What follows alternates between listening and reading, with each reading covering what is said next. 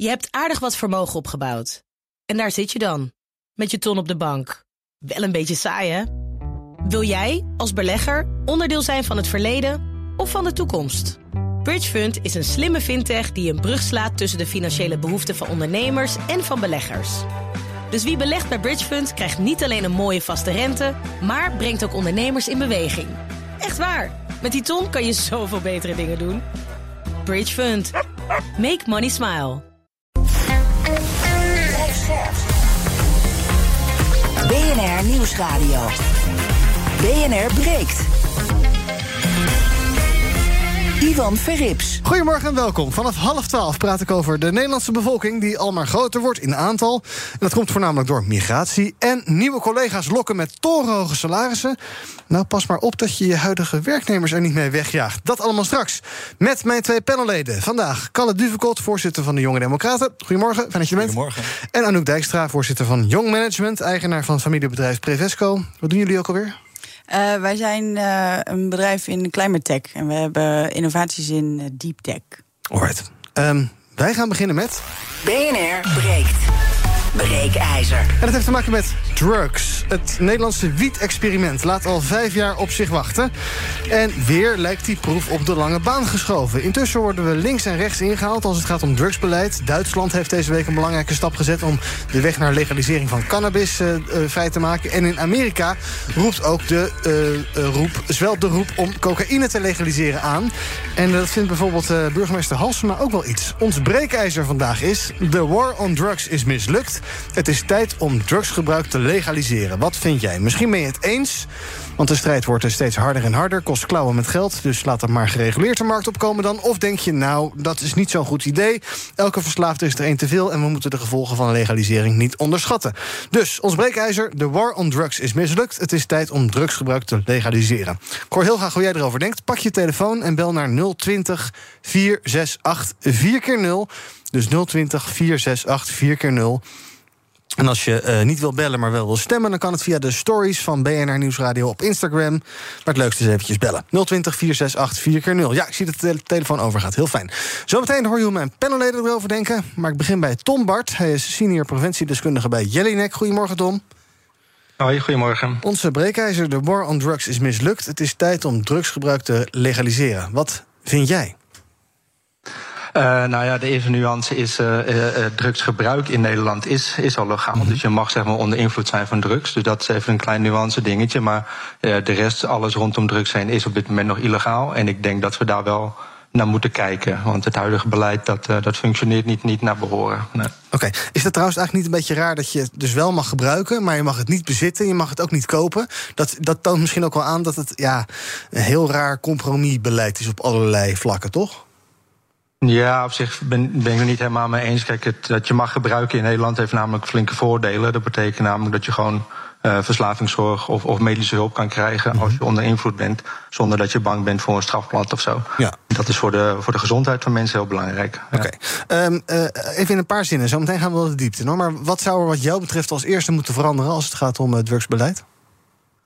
Nou, ik denk dat je stapsgewijs een beetje moet gaan kijken uh, naar het huidige beleid. Dus ik denk dat cannabis ja, dat je daar een beetje wat tempo mee kan maken qua legalisatie. Mm -hmm. uh, en de volgende stap is, uh, is kijken welk middel als volgende geschikt zou kunnen zijn om te gaan reguleren. Ik denk bijvoorbeeld aan uh, MDMA bijvoorbeeld. Ja, dat is het werkzame bestandsmiddel in cocaïne, toch?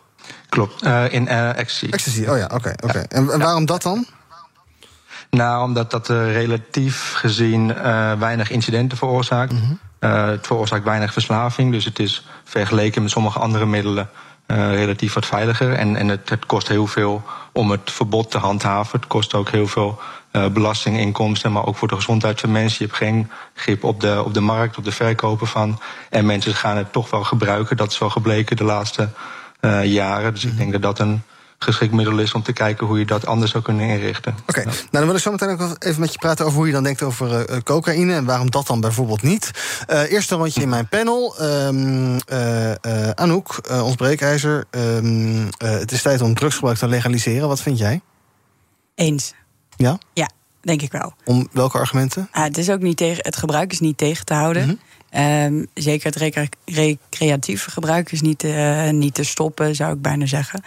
Um, ja, dus om het. ehm, ja, ik denk dat het handiger is, eh, misschien eh, om te reguleren, maar ook wat eh, onze expert net zei, ook de gezondheidszorg eromheen. Dat het gewoon handig is als het gere- gereguleerd kan worden. Ja. Was het, is het, denk jij ook een beetje iets van vroeger dat we een soort, eh, ja, eh, eh, wij wisten wel wat goed was voor mensen en onze christelijke waarden en dergelijke, en dan doe je dat niet drugs. Dat is toch iets, is, is dat een beetje een ouderwets, ouderwets standpunt dat we als samenleving hebben met elkaar hierover? Ja, ik denk het wel. Want uiteindelijk is het natuurlijk alleen misbruik ervan echt problematisch. Mhm. Ja, en je hebt ook misbruik van van alles en nog wat wel legaal is. Ja. Alcohol en dergelijke levert ook allerlei ellende op. Ja. Dus dan zeg je, oké, iets meer regulering dus wat dat betreft. Kalle, wat vind jij? Ja, ook eh, in principe legalisatie. Er wel een kleine nuance in maken. Eh, je noemde net tot de VS eh, dat er daar stemmen op gaan voor cocaïne-legalisatie. Eh, daarvan zou ik zeggen, nou, wacht daar nog even mee. Want cocaïne is wel een heel stuk schadelijker voor de gebruiker dan eh, bijvoorbeeld eh, wiet Ja. of ecstasy. Eh, dus laten we eens beginnen met wiet en ecstasy legaliseren. Want daar gaat nu ook inderdaad qua gezondheid en qua veiligheid ook nog een hele hoop verkeerd. Ja. Ik zag laatst nog appjes langskomen van, eh, van, van mensen in, eh, in Leiden, waar ik studeer. Eh, die hadden godzijdank bij een initiatieflab hun ecstasy-pillen kunnen laten testen. Mhm. Nou, er zat god weet wat voor afval in. En als ze die hadden genomen, dan waren ze nu waarschijnlijk niet meer geweest. Dus dat is echt wel een extra reden om gewoon te zeggen... joh, legaliseren zodat je het ook kunt reguleren... zodat mensen het gewoon veilig kunnen gebruiken. Ja, oké, maar eh cocaïne dus nog niet, want gezondheidsschade. Maar dan moet je ook met alcohol gaan stoppen. Dan moeten we roken trouwens ook gaan verbieden. Nou, alcohol en, en roken zijn inderdaad ook gewoon heel schadelijk. Maar dat mag wel, wordt overal gestimuleerd. En je bent eh, een beetje stom als je niet meedoet op een verjaardag met een biertje.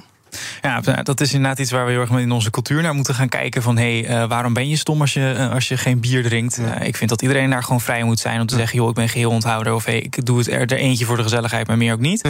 Ehm, dus daar moeten we zeker naar kijken. Eh, maar als je net gaat kijken dat alcohol eh, eh, en, en roken het veel schadelijker is dan, eh, dan ecstasy en wiet. eh, dan zou ik zeggen: ja, waarom staan ecstasy en wiet dan wel op een of andere eh, lijst met verboden goederen eh, en tabak nog niet?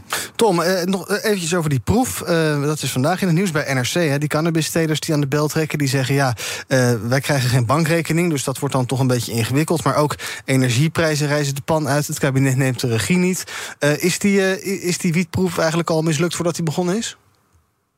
Nou ja, kijk, het, mislukt. eh, ik, ik hoop het nog niet. Want eh, het is natuurlijk wel een stap in de goede richting. En ik ben een beetje bang dat als het experiment faalt.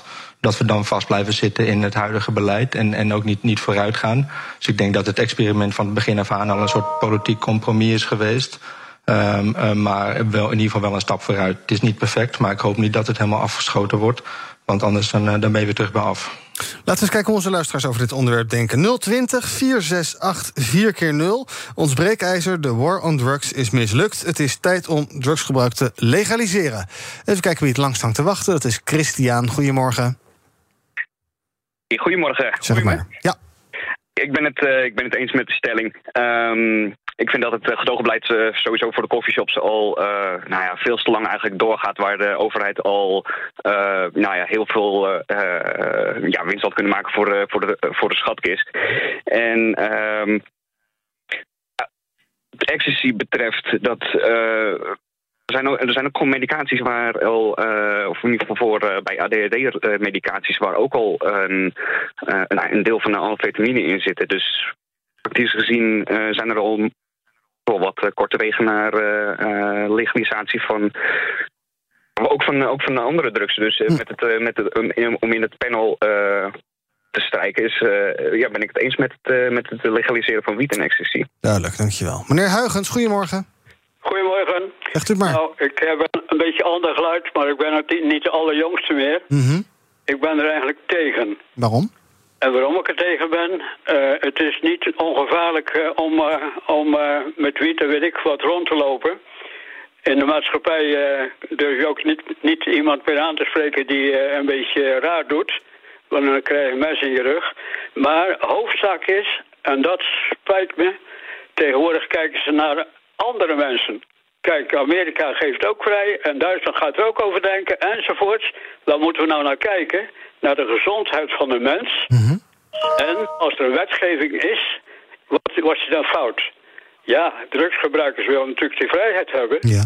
maar ik, ik kan er niet voor zijn. Duidelijk, dank voor het bellen. Even kijken, nog twee bellers in dit blokje. Ehm, Henk, goedemorgen.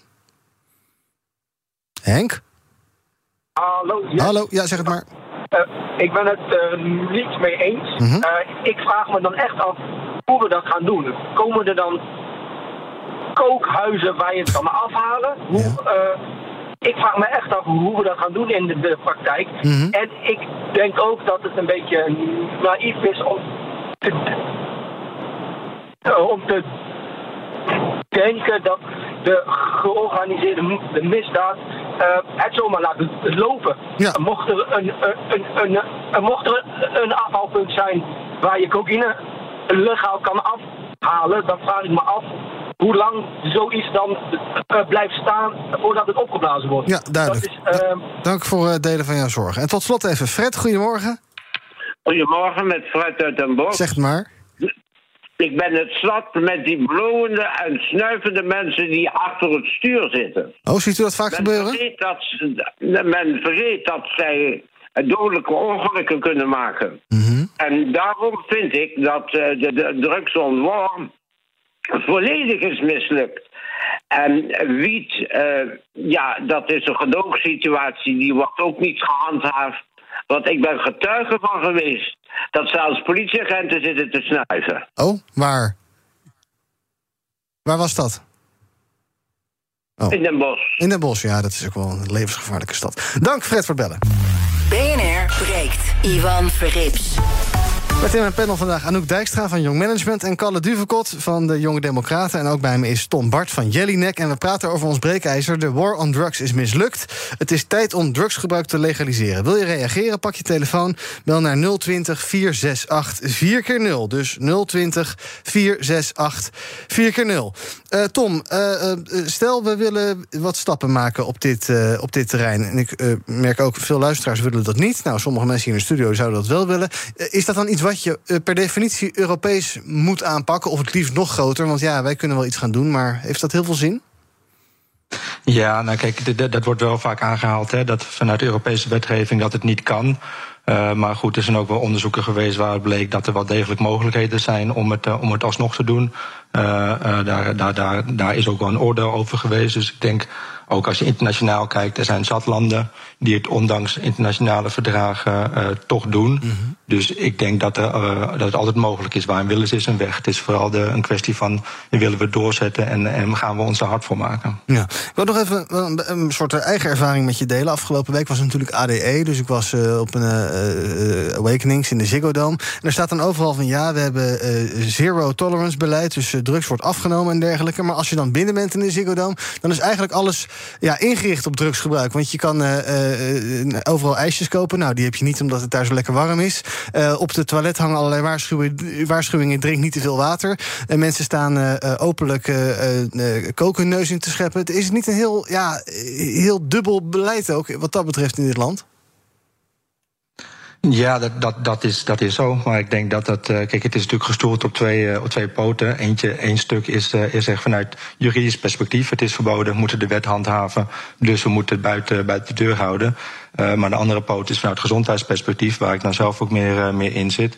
En dan, eh, dan wil je inderdaad toch mensen die het alsnog gaan doen, want dat weet je, het gebeurt alsnog, wel op de juiste manier voorlichten. En eh, kijken of je kan voorkomen dat ze in de problemen komen. Dus het, het, het lijkt tegenstrijdig, maar het zijn wel twee verschillende doelen die ja, op dit moment in Nederland beide, beide bestaan. Ja. Luister even mee naar Femke Halsema, de burgemeester van Amsterdam... die eerder deze maand dit zei bij AT5. Ik pleit voor een alternatieve strategie en zeg, als je naar de geschiedenis kijkt, kun je natuurlijk wel zeggen dat die war on drugs een fout is geweest. En dat waarschijnlijk legalisering beter was geweest. Ja, war on drugs een fout, ben je het daarmee eens, eh Kalle? Eh, ja, ergens wel. Je ziet ook gewoon dat heel erg die war on drugs een hele hoop repressie eh, met zich mee heeft gebracht. Waardoor mensen eigenlijk alleen maar nog meer daarna de fouten zijn gegaan. Terwijl eigenlijk er gewoon gericht op moeten worden op, op rehabilitatie, op eh, gewoon inderdaad afkicken. Echt zorgen dat de onderliggende oorzaken van zo'n verslaving, dat die aangepakt worden. Je ziet, net werd ook de Verenigde Staten genoemd als voorbeeld. Ja, en daar zie je het heel erg fout gaan. Daar word je gewoon meteen de bak in gegooid als je ergens mee gepakt wordt. waardoor je in een soort, soort carouselletje komt en een soort circus draaimolen van in en uit de gevangenis. Ehm, dus die war on drugs die heeft gewoon niet geholpen. En je moet daar echt ook gewoon kijken naar veiligheid. Eh, en ook bijvoorbeeld, we hadden het er net over veiligheid voor de gebruiker, maar ook veiligheid eh, in de productieketen. Mhm. Ja, want uh, nu als je iets wil betrekken is dat per definitie illegaal. Dus dan komt dat of uit Brabant of uit Colombia. En uh, als de, de afnemer niet betaalt, dan word je als het een beetje tegen zich doodgeschoten. Het is een, er zit een hele gruwelijke economie omheen. Precies, en uh, ik denk de enige manier waarop je die inderdaad kan aanpakken, structureel kan aanpakken, is en inderdaad om te zorgen dat er een gereguleerd veilig alternatief is, zodat eigenlijk dat product, dat illegale product, nergens meer verkocht kan worden. Hm. laten we nog even een paar bellers aan het woord laten. Gijs, goedemorgen. Goedemorgen. Zeg het maar. Uh, ja, nou, ik ben, uh, ik ben inderdaad voor de stelling om het te legaliseren. En ja, eigenlijk herhaal ik een beetje wat er net gezegd wordt. als je legaliseert, dan zorg je ervoor dat je het kan controleren. Je kan er daarnaast ook belasting op vragen op de drugs die verkocht wordt. En ja, je kan, je kan ervoor zorgen dat als mensen te diep in een spiraaltje komen van drugsgebruik, dat je ze daaruit kan halen en kan helpen. In plaats van dat, je, dat het ondergronds gaat en dat het alleen maar drugsmafia zijn die ja, alles verkopen. Ja, duidelijk. Dank voor het bellen. Karim. Ja, goedemorgen. Uh, ik ben het uh, oneens met de stelling. Ja. En ik heb zoiets van, uh, we zijn constant dingen aan het legaliseren omdat we het gewoon niet aankunnen om het mhm. eh, aan te pakken. En dat mag geen reden zijn. Uiteindelijk moeten we onze, onze kinderen en onze jeugd beschermen, beschermen hiervoor. En mhm. drugs is gewoon ontzettend gevaarlijk en slecht. Ja. En je ziet het nu zelfs in basisscholen doordruppelen. ja, en ik vind het gewoon niet kunnen. Er is één oplossing en dat is gewoon veel harder straffen. En daar heb ik het echt over keihard straffen, tot aan levenslang. En dan ban je het vanzelf wel uit. Dan wie... mensen er vanzelf wel mee stoppen. En wie wil je dan straffen? Gebruikers of handelaren? Gebruikers en de verkopers en de distributeur. Iedereen, de hele keten. Ja, dus wat jou Als je de hele keten niet aanpakt, uh, blijft het ergens doorgaan. Ja, wat jou betreft mag de war on drugs wel een beetje worden opgevoerd. Dus dank. Nog eh, twee bellers in dit blokje. Rabin, goedemorgen. Rabin, goedemorgen. Ja, goedemorgen met Robin. Zegt u het maar. Ja, het is namelijk zo. Ik heb ervaring en zo. Dus kijk, biologische cannabis kan je vrijgeven. Maar harddrugs, ecstasy, kook, beter helemaal niet doen. Beter helemaal niet doen. Vanaf 84 gestopt. Ja, en dat is goed bevallen, denk ik. Ja. Ja, heel goed. Ik heb het volgehouden, volharding. Heel goed. cocaïne die maakt neus kapot, die is heel 100% slecht en ecstasy. Dank. Dan ga ik zo nog even uh, iets uitgebreider over cocaïne praten. Dank en tot slot voor dit blokje even Frank. Goedemorgen. Ja, goedemorgen met Hallo. Eh, Frank. Uh, ja, ik heb het idee dat zeg maar, de, de beleidsmakers uh, die dit, uh, voor dit, voor dit dat zorgen dat het in de illegaliteit zit nog steeds. Mm -hmm. Ja, die hebben er totaal geen ervaring mee. Die hebben ook een soort beeld van: oh jee, als je dat één keer doet, dan ben je voor de rest van je leven verdoemd om te mislukken. En, en, en, en eigenlijk de praktijk laat zien dat zeker de jeugd nu, het is zo wijd verspreid, het wordt op zulke grote schaal gedaan. Uh, in alle lagen van de bevolking. Uh, en mensen die dat willen doen, en dat is een hele grote groep, die komen er toch wel aan. Dus uh, er komt echt geen gebruiker meer in ons landje als je het gaat legaliseren. Want het is nu al zo ja, normaal eigenlijk. Dat ik het idee heb dat beleidsmakers en de realiteit zo ver uit elkaar staan dat ze ja, geen helder beeld hebben van de werkelijkheid. Zelfs als ik je voorbeeld wil noemen van de Awakenings. -huh. Ja, dat is al, dat is al, al twintig jaar zo. Ja. Dus ik bedoel, ja, dat is de werkelijkheid. En, uh, en, en, de beleidsmakers zitten in een papieren werkelijkheid. En dan kan je het beter reguleren. Dank voor het bellen, Frank. Uh, Tom, uh, dat gezondheidsaspect, daar zijn jullie natuurlijk ook voor. wat adviseren jullie eigenlijk als het gaat om drugs? Zeg je, doe het niet. En als je het wel doet, doe het verstandig. Of zeg je niet per se, doe het niet. Wat, wat, wat, wat is jullie standpunt daarin?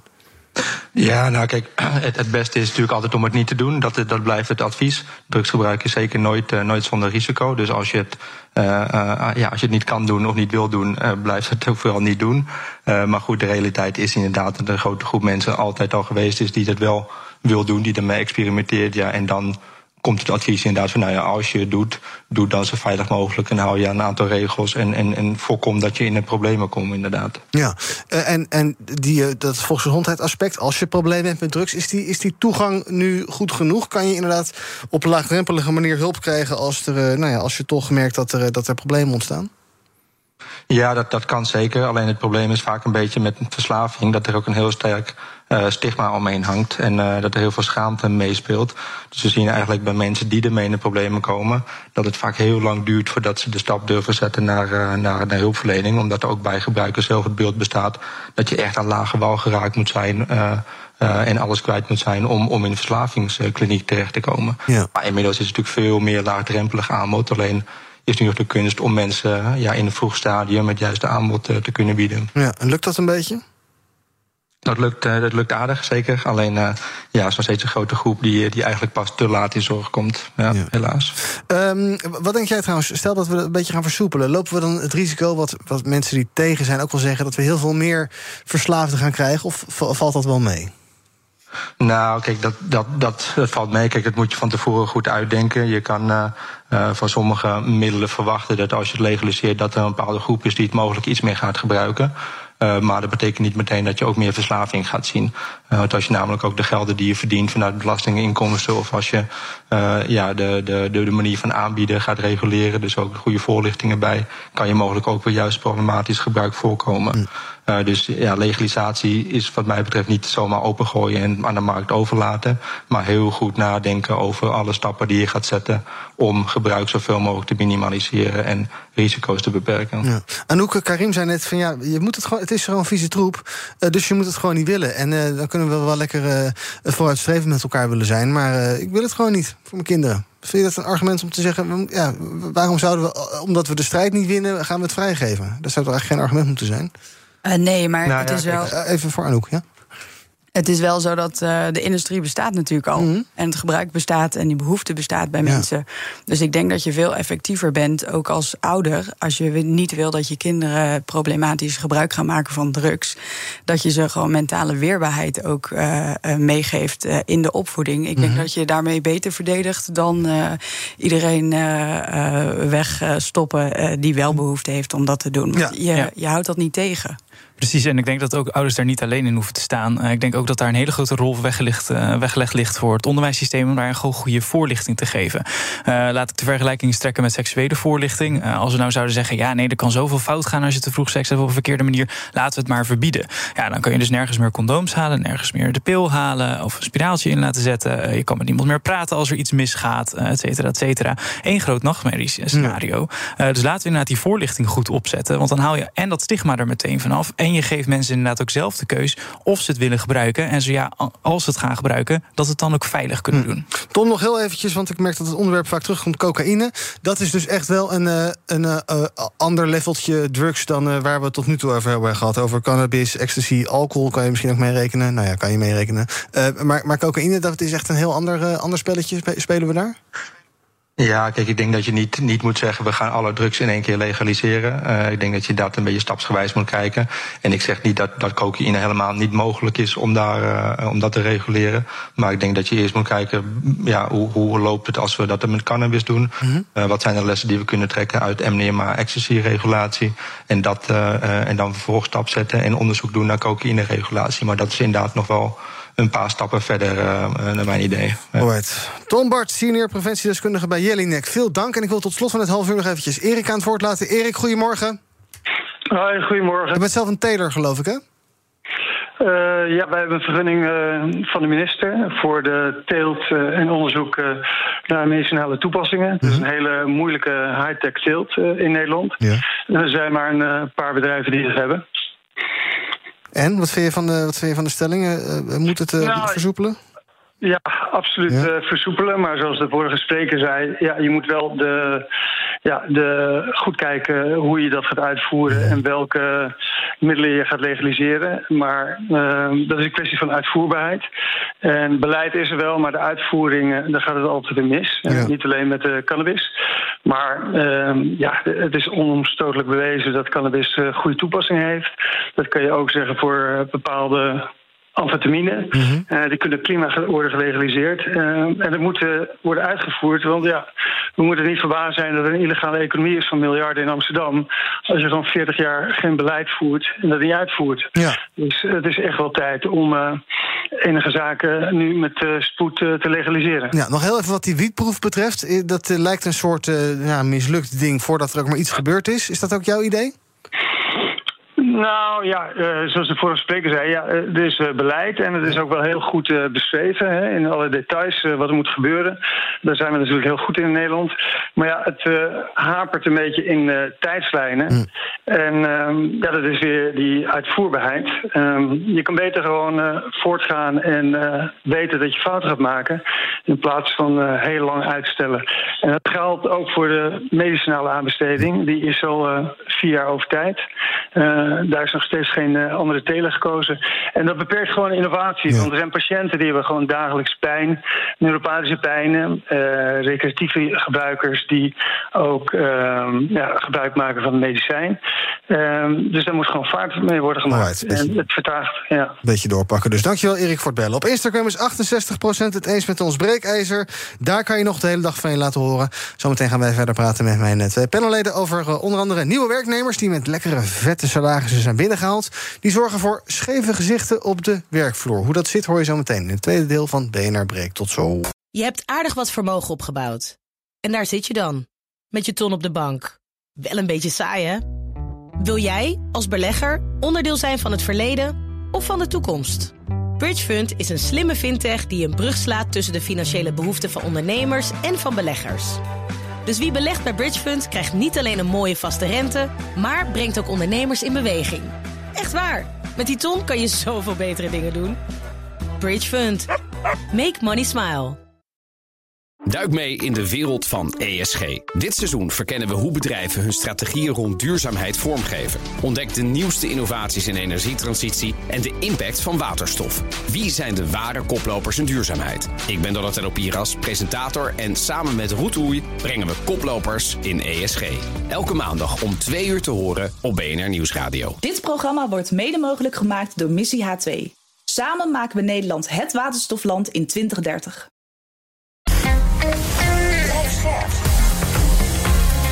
BNR Nieuwsradio. BNR breekt. Ivan Verrips. Welkom terug. In mijn panel vandaag Anouk Dijkstra, voorzitter van Jong Management... eigenaar van familiebedrijf Prevesco... en Kalle Duvekot, voorzitter van de Jonge Democraten. We gaan praten over het nieuws van de dag. Te beginnen met CBS-cijfers. Nederland kreeg er in de eerste negen maanden van dit jaar...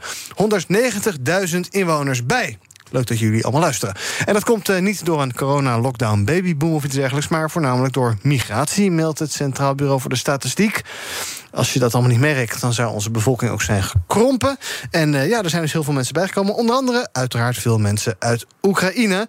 Um, Maak, je, uh, maken jullie je zorgen? Daar ben ik eigenlijk wel benieuwd naar over het uh, uh, aantal Nederlanders. Je hoort wel eens dingen als Nederland is vol en dergelijke. als ik zo af en toe met de auto door ons land rijd, dan denk ik, moh, Nederland is helemaal niet zo vol. Maar Anouk, is dat iets waar, waar, jij, waar jij zorgen om maakt? Um, nee, eigenlijk niet per se. En zeker niet in termen als Nederland is vol. Mm -hmm. Um, maar het wordt natuurlijk wel uh, irritant, uh, de drukte op de wegen. Mm -hmm. dat, uh, die wegen vind ik wel heel vol.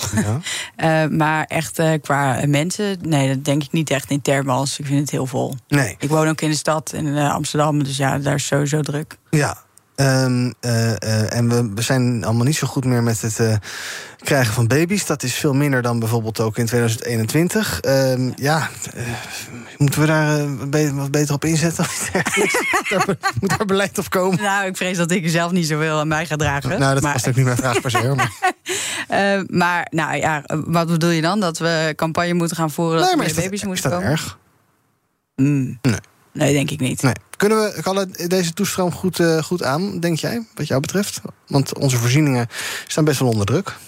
Ja, alles staat onder druk. Ja. De hele huizenmarkt is, is, is, vastgelopen. En dat moet gewoon echt gefixt worden. Uh, niet alleen voor, uh, voor mensen die van buitenaf binnenkomen, maar ook gewoon voor studenten, et cetera.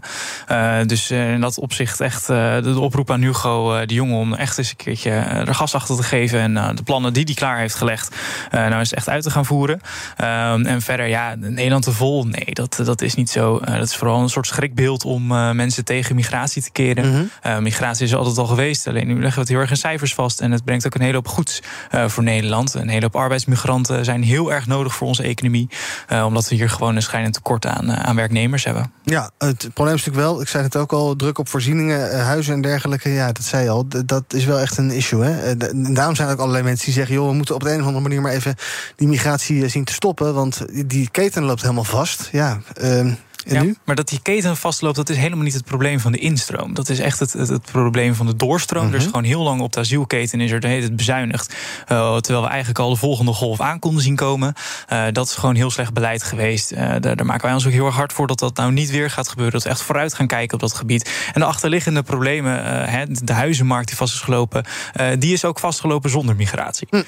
Dus daar moeten we gewoon heel hard op in gaan zetten. Maar dat is een probleem dat niet zijn oorzaak vindt in migratie. Nee, oké, dat snap ik. Maar die, die doorstroom loopt vast. Zou je dan misschien kunnen zeggen... dan moeten we die instroom even verminderen? Of niet per se? Nee, nee, we moeten gewoon meteen. Moeten we meer migranten krijgen, wat jou betreft? Nee, nee dat, eh, het, het, het- is hier gewoon geen vraagstuk van eh, meer of minder migranten. Mhm. Eh, het is hier een vraagstuk van hebben we een, een goed efficiënte asielketen. En die hebben we op dit moment niet. En daar moeten we op inzetten. Dus ga nou die instroom, of dit, dit, doorstroom goed reguleren. Ga zorgen dat we het allemaal wel aankunnen. Eh en ga dan niet zeggen van ja nee, we hebben hier eigenlijk een, een systeem dat al jaren niet meer werkt. Eh, maar dat gaan we oplossen door, eh, door aan de voorkant een hek neer te zetten. Dat is gewoon niet de oplossing. Dat is een soort symptoombestrijding. Maar waar moeten die mensen dan naartoe in die tussentijd? Ja, dat, dat is inderdaad een hele goede vraag. Ja, we, kunnen ze niet, we kunnen ze niet, eh, zoals eerst al, eh, al- als wel het geval was in Ter Apel, gewoon op de grond laten slapen. Dat is echt gewoon beneden het pijl van Nederland. Eh, als Westers land kan je dat gewoon niet maken.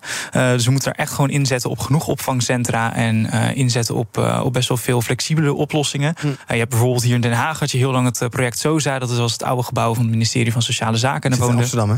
Wat zeg je? Je zegt hier in Oh, Den Haag, sorry. we zitten in Amsterdam. Ja, sorry. ik werk normaal gesproken in Den Haag. Dus ik denk, oh ja, nee, we zijn in Den. Haag.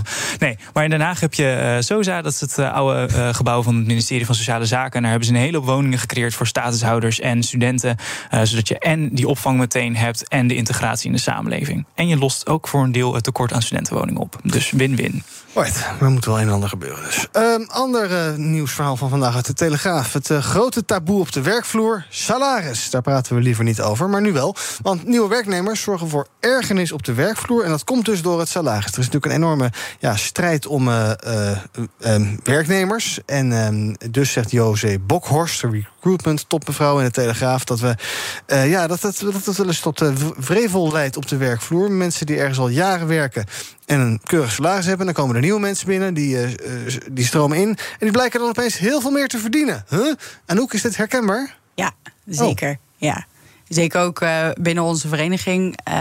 als voorzitter van JM. ehm, ja, je, je ziet dit eigenlijk overal gebeuren. En eh, dat trekt inderdaad wel scheve verhoudingen in je, eh, in je loonhuis als je dat hebt eh, als bedrijf. Ehm, ja, en het is ook ehm, moeilijk te verdedigen, maar eh, als werkgever, alleen als werkgever kies je vaak ook eh, van ja, welke branche moet als eerst geblust worden. Eh, en dan geef je toe eh, aan eh, een hoger loon bijvoorbeeld om een positie gevuld te krijgen. Eh, zodat er een probleem binnen het bedrijf opgelost is, wat crucialer is dan de discussie eh, onder, eh, onder personeel onderling eh, over eh, hoeveel loon iemand krijgt. Oké, maar dan is het brandje geblust... en dan ga je daarna toch het eh, loonhuis weer een beetje op orde zien te krijgen. Dus misschien die mensen die al wat langer voor je werken... dat die er ook wat bij krijgen? Ja, dat is altijd de vraag natuurlijk. Ja. Want uiteindelijk reizen dan ook je loonkosten natuurlijk de pan uit. Als je dat niet allemaal zeker op dit moment tegelijk in je prijzen kan verwerken omdat er natuurlijk een aantal factoren nu eh, de prijzen opvoeren. Ehm, dus ja, dat, is, eh, dat blijft echt een moeilijk vraagstuk als eh, werkgever hoe je daarmee omgaat. Want je, kan, je hebt niet altijd de ruimte om overal geld bij te leggen. Dus wat moet je dan doen? Is het een beetje pragmatisch eh, schipperen en hopen dat, eh, dat mensen niet over salaris praten? Nee, dat, dat, eh, dat gebeurt toch wel en dat is ook prima. Maar ik denk dat, je, dat mensen zich aan elkaar verbinden of aan een werkomgeving niet alleen om loon. Eh, eh, verbinden. Mhm. Dus het gaat ook over werksfeer, het gaat over collega's, het gaat over hoe je behandeld wordt, het gaat over afwisseling in je werk als je, dat, als je daar behoefte aan hebt. Eh, dus het, het kan niet alleen op loon stuk slaan. Maar kijk, er zijn natuurlijk wel heel veel dingen die je in kan zetten, ook als werkgever, om het op termijn gewoon beter te maken voor iedereen. Het zijn allerlei secundaire dingen. Ja. ja. Het, is natuurlijk wel zuur dat als je een nieuwe collega hebt... die komt net binnen voor de hoofdprijs... en een andere collega die al heel lang bij je werkt... maar wel veel ervaring heeft, dat die zegt van... joh, bekijk het maar, ik ga ergens anders werken. Ja, dat Ja. is 100% waar. Dus het is een heel gevoelig evenwicht wat dat betreft. Absoluut, absoluut. Ja. En waarschijnlijk ook heel persoonsafhankelijk. En er is dus echt maatwerk voor nodig om dat, om dat op te lossen. Ja, het voelt heel, heel, heel verleidelijk om mensen gewoon de hoofdprijs te bieden. Maar dan kan je jezelf dus wel eens flink mee in de voeten schieten. Ja, zeker. Aan de andere kant, als jij die werknemer bent die te weinig krijgt. en je werkgever wil naar niet meegaan, dan ga je toch lekker een andere baan zoeken. Bekijk het lekker met die werkgever. Ja, dat kan. Dat kan je keuze zijn. Als loon jouw enige drijfveer is op dit moment om te blijven, ja, dan kan dat je keuze zijn. Ja, oké. Ehm, we gaan eens naar. Je hebt aardig wat vermogen opgebouwd. En daar zit je dan, met je ton op de bank. Wel een beetje saai, hè? Wil jij, als belegger, onderdeel zijn van het verleden of van de toekomst? Bridgefund is een slimme fintech die een brug slaat tussen de financiële behoeften van ondernemers en van beleggers. Dus wie belegt bij Bridgefund krijgt niet alleen een mooie vaste rente, maar brengt ook ondernemers in beweging. Echt waar! Met die ton kan je zoveel betere dingen doen. Bridge Fund. Make money smile. Duik mee in de wereld van ESG. Dit seizoen verkennen we hoe bedrijven hun strategieën rond duurzaamheid vormgeven. Ontdek de nieuwste innovaties in energietransitie en de impact van waterstof. Wie zijn de ware koplopers in duurzaamheid? Ik ben Donatello Piras, presentator en samen met Roetoei brengen we koplopers in ESG. Elke maandag om twee uur te horen op BNR Nieuwsradio. Dit programma wordt mede mogelijk gemaakt door Missie H2. Samen maken we Nederland het waterstofland in 2030 zaken doen. BNR breekt. Gaan we even kijken naar wat jullie opviel in het nieuws. En Kalle, jij wil het hebben over de WK-misstanden in Qatar. En dan vooral over uh, hoe het uh, Australische voetbalelftal dat veroordeelt. Dat deden zij op de volgende wijze. We have learned that the decision to host the World Cup in Qatar has resulted in the suffering and in the harm of countless of our fellow workers. These migrant workers who have suffered are not just numbers. Like the migrants that have shaped our country and our football, They possess the same courage and determination to build a better life. Wat wil je daarover vertellen? Ja, heel sterk en heel mooi dat zij uh, dit statement uh, eruit hebben, hebben gegooid. En echt uh, gaan staan voor het leed. Het, echt het verschrikkelijke leed dat daar in Qatar zich heeft afgespeeld. Ja. en dat maakt het des te schrijnender dat ondertussen ons kabinet wel erover nadenkt om zelfs de koning te gaan sturen. Mm -hmm. ondanks dat een hele hoop politieke jongerenorganisaties en nu ook de Tweede Kamer hebben opgeroepen voor, voor een boycott van joh, stuur geen leden van de regering daar naartoe. en dat is gewoon heel erg wrang. ik heb ook volgens mij gelezen dat Rutte dan zei van ja, we klappen voor het elftal niet voor die tribunes. Uh, maar ja, dat, dat, je staat dan ondertussen wel op die tribunes. Dus het is dan mhm. wel een beetje een bord voor je kop houden. Uh, want om die tribunes te bouwen zijn duizenden en duizenden mensen omgekomen. En dat is gewoon echt niet oké. Nee. Gaan de Australiërs niet voetballen daar? Uh, dat weet ik niet. Volgens mij gaan ze alsnog wel naartoe. Ja, maar dat is dan toch ook een beetje, nou, een beetje uh, hoe zeg je dat? Inconsequent. Dat je eerst zegt het is allemaal vreselijk, maar we gaan er wel lekker heen. Ja, ja dat is uh, aan de ene kant ook heel erg inderdaad zo. Wij zijn als jonge democraten zouden we heel erg graag een volledig boycott van het, mm van het WK zien. De KNVB heeft al gezegd dat ze dat niet gaan doen. Nee. dus vervolgens hebben wij opgeroepen, net als de Kamer, joh, zorg dan dat je het niet vanuit de staat steunt door inderdaad hoogwaardigheidsbekleders er naartoe te sturen. Mm -hmm. en het kabinet Rutte wil dat nu alsnog wel doen. Ja, dan kijk ik ook even naar Anouk. Uh, Rutte die zegt ook, uh, en ook Hoekstra zegt van ja, uh, als het gaat over mensenrechten en dergelijke, je kan er beter zijn om erover te praten dan dat je hier bent en er niet over kan praten daar. Wat vind jij? Uh, op zich is denk ik een dialoog altijd beter dan een boycott. Um, maar ja, we weten natuurlijk allemaal al jaren dat dit aan de gang is. Hè? Dus dat, dat, uh, mm -hmm. dat wordt ook allemaal bewaard tot uh, last minute eigenlijk. Ja.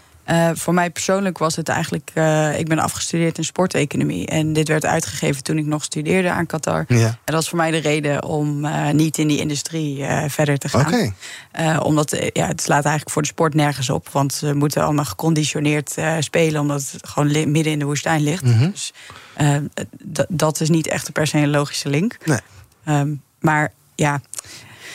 Ik, uiteindelijk denk ik dat een dialoog beter is. Of die dialoog per se gevoerd moet worden tijdens dat WK. Ja, dat kunnen we ons afvragen natuurlijk. Ja, ja want onze regering zegt ook... als wij een eh, boycott zouden invoeren... zijn we eigenlijk de facto de enige die dat doen. Ja, eh, dan kan je zeggen of je bent heel erg principieel... wat misschien heel goed is... of je bent een beetje ja, lulletje rozenwater... en uh, oh, zie Nederland is lekker principieel zijn. Nou, poepoe. Ja, daar hoef je, zou je als leiders op zich niet bang voor uh, moeten zijn, natuurlijk. Uh, dat jij uh, een standpunt inneemt. maar ik, ja, er zullen ongetwijfeld ook um, factoren spelen die wij allemaal niet kennen. waardoor het ja. misschien een wijzere, wijzer besluit is, als je politiek gezien, om wel te gaan. En sociaal-maatschappelijk verwerpelijk, moreel verwerpelijk is. Ja, bijvoorbeeld, ja, omdat we LNG willen hebben uit Qatar. Ja, want dat is wel wat het kabinet dan zegt: van ja, maar we zijn voor onze energietoevoer wel afhankelijk afhankelijk van. Wel ze. eerlijk. Uh, aan de ene kant heel eerlijk, aan de andere kant, uh, dat is dan wel een heel erg duidelijke keuze die je maakt. Uh, je, je, scheept dan wel een hele hoop gas en olie onze kant op, die, die bloed en bloedrood zijn van, van al het leed van de mensen die daar, die, die daar zijn gestorven. Ja, precies. En daarom moeten we ook wat breder gaan kijken van, joh, waar halen we onze energie vandaan? Want we zien dat we als Europa een hele hoop moeite hebben om één vuist te vormen tegen Rusland, omdat toch ook de oostelijke lidstaten en ook Nederland voor een heel klein deel nog steeds afhankelijk zijn van Russisch gas, et cetera. in ieder geval toen de oorlog uitbrak. nu zie je dat we eigenlijk niks kunnen zeggen over duizenden mensen die, uh, die in hele slechte omstandigheden daar overlijden. Een LBTI-gemeenschap die gewoon wordt onderdrukt. Mm. Uh, omdat we daar onze energie vandaan halen. Dus laten we nou eens echt gaan kijken waar halen we die energie vandaan. En vinden we dat nog wel echt heel erg waard. Uh, ik zou zeggen, nog een keertje een, een argument om echt op die vergroening in te zetten. Zodat we gewoon zelf groene energie voor ons eigen netwerk produceren. Gaan we even kijken wat er trending is op de socials. Onder andere hashtag NS Publieksprijs nog steeds trending. Gisteren maakte de CPNB-stichting bekend dat de boekenprijs dit jaar niet wordt uitgereikt vanwege het verstoorde stemproces. En daardoor is ook uh, hashtag het coronabedrog trending. Bepaalde stemmen op het boek zouden illegaal zijn. En auteur Thierry Baudet vindt dat pure flauwekul. De suggestie werd overal gewekt dat wij op een of andere manier zouden hebben gesjoemeld met die uitslag. Terwijl ze misschien gewoon verbaasd waren dat er veel mensen op ons hebben gestemd. Dat weten we helemaal niet. Want de organisatie van de publieksprijs heeft nog helemaal niet laten weten wat er dan aan onregelmatigheden waren. Ja, hij vindt dat de onderste steen boven moet. Net als gisteren op dit tijdstip. Oren dicht, komt-ie!